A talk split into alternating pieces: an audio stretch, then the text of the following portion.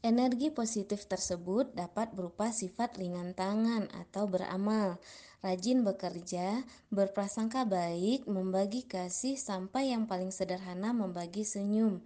Sebaliknya, energi negatif sesungguhnya merupakan larangan agama, mulai dari yang ekstrim seperti mencuri dan menipu, sampai hal-hal yang nampak remeh seperti sombong, membanggakan diri, serta merendahkan orang lain.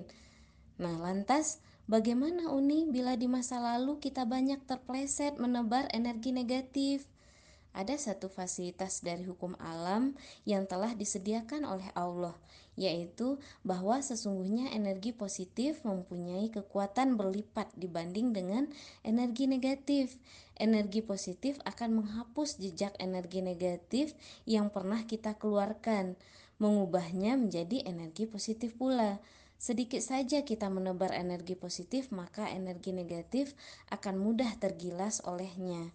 Nah, ini kita berpengalaman ya di lapangan ketika kita melakukan hal yang buruk, ya kita ubah menjadi e, membiasakan melakukan hal-hal kebaikan, itu keburukan kita akan hilang dan kita terbiasa melakukan kebaikan ke depannya. Hukum alam tersebut adalah setiap energi yang dipancarkan dari tubuh kita nilainya tidak akan pernah berubah. Kalau yang kita pancarkan dari tubuh kita adalah energi positif, maka yang akan kembali adalah energi positif yang akan kita terima lagi. Demikian sebaliknya, kalau energi negatif yang kita pancarkan, maka yang akan kembali ke kita adalah energi negatif. Sederhananya begini, dalam aplikasi nyata kehidupan, jika kita menolong orang lain yang sedang memerlukan bantuan pertolongan misalnya, maka sebenarnya tubuh kita sedang memancarkan energi positif, yakni berupa tindakan positif kebaikan. Nah, energi positif kebaikan yang kita pancarkan dari diri kita sungguhnya tidak akan hilang dari muka bumi ini.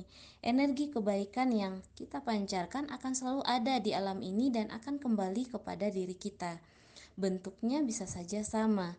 Apakah kita ditolong kembali oleh orang lain pada saat memerlukan bantuan, atau bisa juga berubah dalam bentuk nilai positif yang berbeda. Misalnya, kita mendapatkan ketenangan jiwa, keselamatan hidup, kebahagiaan hati, penghargaan dari orang lain, dan bahkan pahala dari Allah.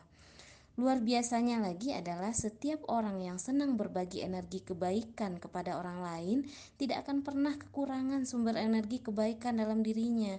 Dalam kehidupan keagamaan kita ini difirmankan oleh Allah ya dalam Quran ya surat Al-Muzammil ayat 20 dan kebaikan apa saja yang engkau perbuat untuk dirimu, niscaya kamu memperoleh balasannya di sisi Allah sebagai balasan yang paling baik dan yang paling besar pahalanya.